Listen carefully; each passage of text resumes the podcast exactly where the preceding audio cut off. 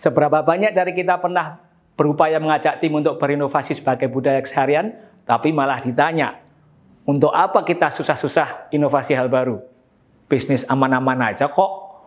Dengan kita terus melanjutkan apa yang sudah berjalan, saya rasa banyak dari kita pernah menghadapi situasi seperti ini dan mengalami kesulitan untuk menjawabnya dengan yakin.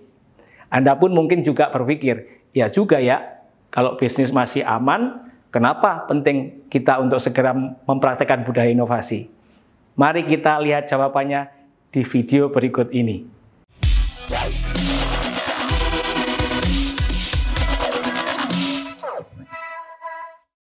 Sebelum kita meyakinkan tim akan pentingnya budaya inovasi, kita juga harus mampu meyakinkan diri sendiri bahwa budaya inovasi memang harus segera dipraktekkan walaupun kondisi bisnis masih relatif aman. Hal pertama yang perlu kita sadari adalah bahwa semakin ke sini budaya inovasi semakin menjadi keharusan karena keamanan sebuah perusahaan dapat lebih mudah terancam atau menghilang. Salah satu penyebab utamanya adalah makin banyaknya perusahaan disruptor pasar.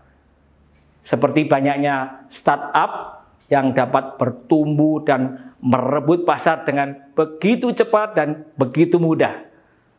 Sehingga pemain-pemain lama pun kesulitan untuk menyainginya. Contoh menarik adalah grup-grup perhotelan di Amerika Serikat yang didisrupsi oleh Airbnb.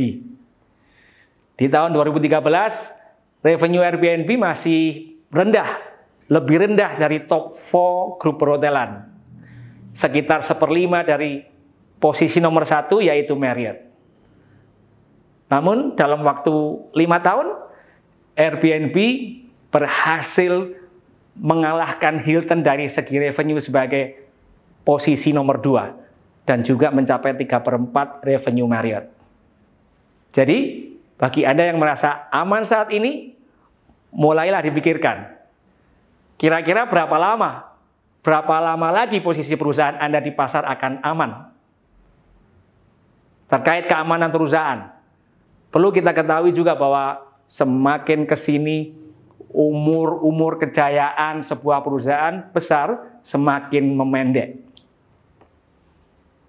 Konsultan strategi Innosight mempelajari tren 500 perusahaan dengan nilai pasar tertinggi di Amerika Serikat, yaitu S&P 500, dan melihat bahwa di tahun 1964, secara rata-rata perusahaan menetap di daftar S&P 500 selama 33 tahun. Namun di tahun 2016, hanya 24 tahun dan diproyeksikan di tahun 2027 terlepas dari COVID-19 ini akan hanya 12 tahun. Menyerapkan bukan? Selain karena lambat untuk merespon pesaing-pesaing disruptif, banyak perusahaan tidak bisa lama menetap di S&P 500 karena tidak melakukan inovasi terhadap model bisnisnya dalam menghadapi pasar-pasar baru atau karena mereka gagal berinvestasi dalam inovasi jangka panjang. Bila kita lihat nih, penduduk posisi nomor 2 di S&P 500 per saat ini, yaitu Apple, yang juga sudah hampir 40 tahun menetap di list, mereka bisa terus berjaya karena sudah terbiasa senantiasa berinovasi untuk jangka panjang. Contohnya di tahun 2000 mereka sudah mulai berinovasi untuk tahun 2010 dengan mengembangkan Apple Digital Hub melalui produk-produk baru di di luar PC yang akhirnya membuahkan produk-produk pioneer seperti iPod, iPhone, dan iPad.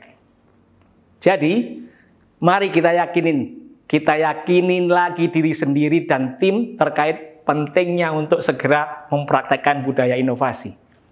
Walaupun bisnis masih terasa aman, karena di cuaca bisnis saat ini, rasa aman tersebut bisa menghilang dengan sangat cepat dan waktu tidak akan cukup bila kita hanya mulai membudayakan inovasi nanti saat kondisi tidak aman.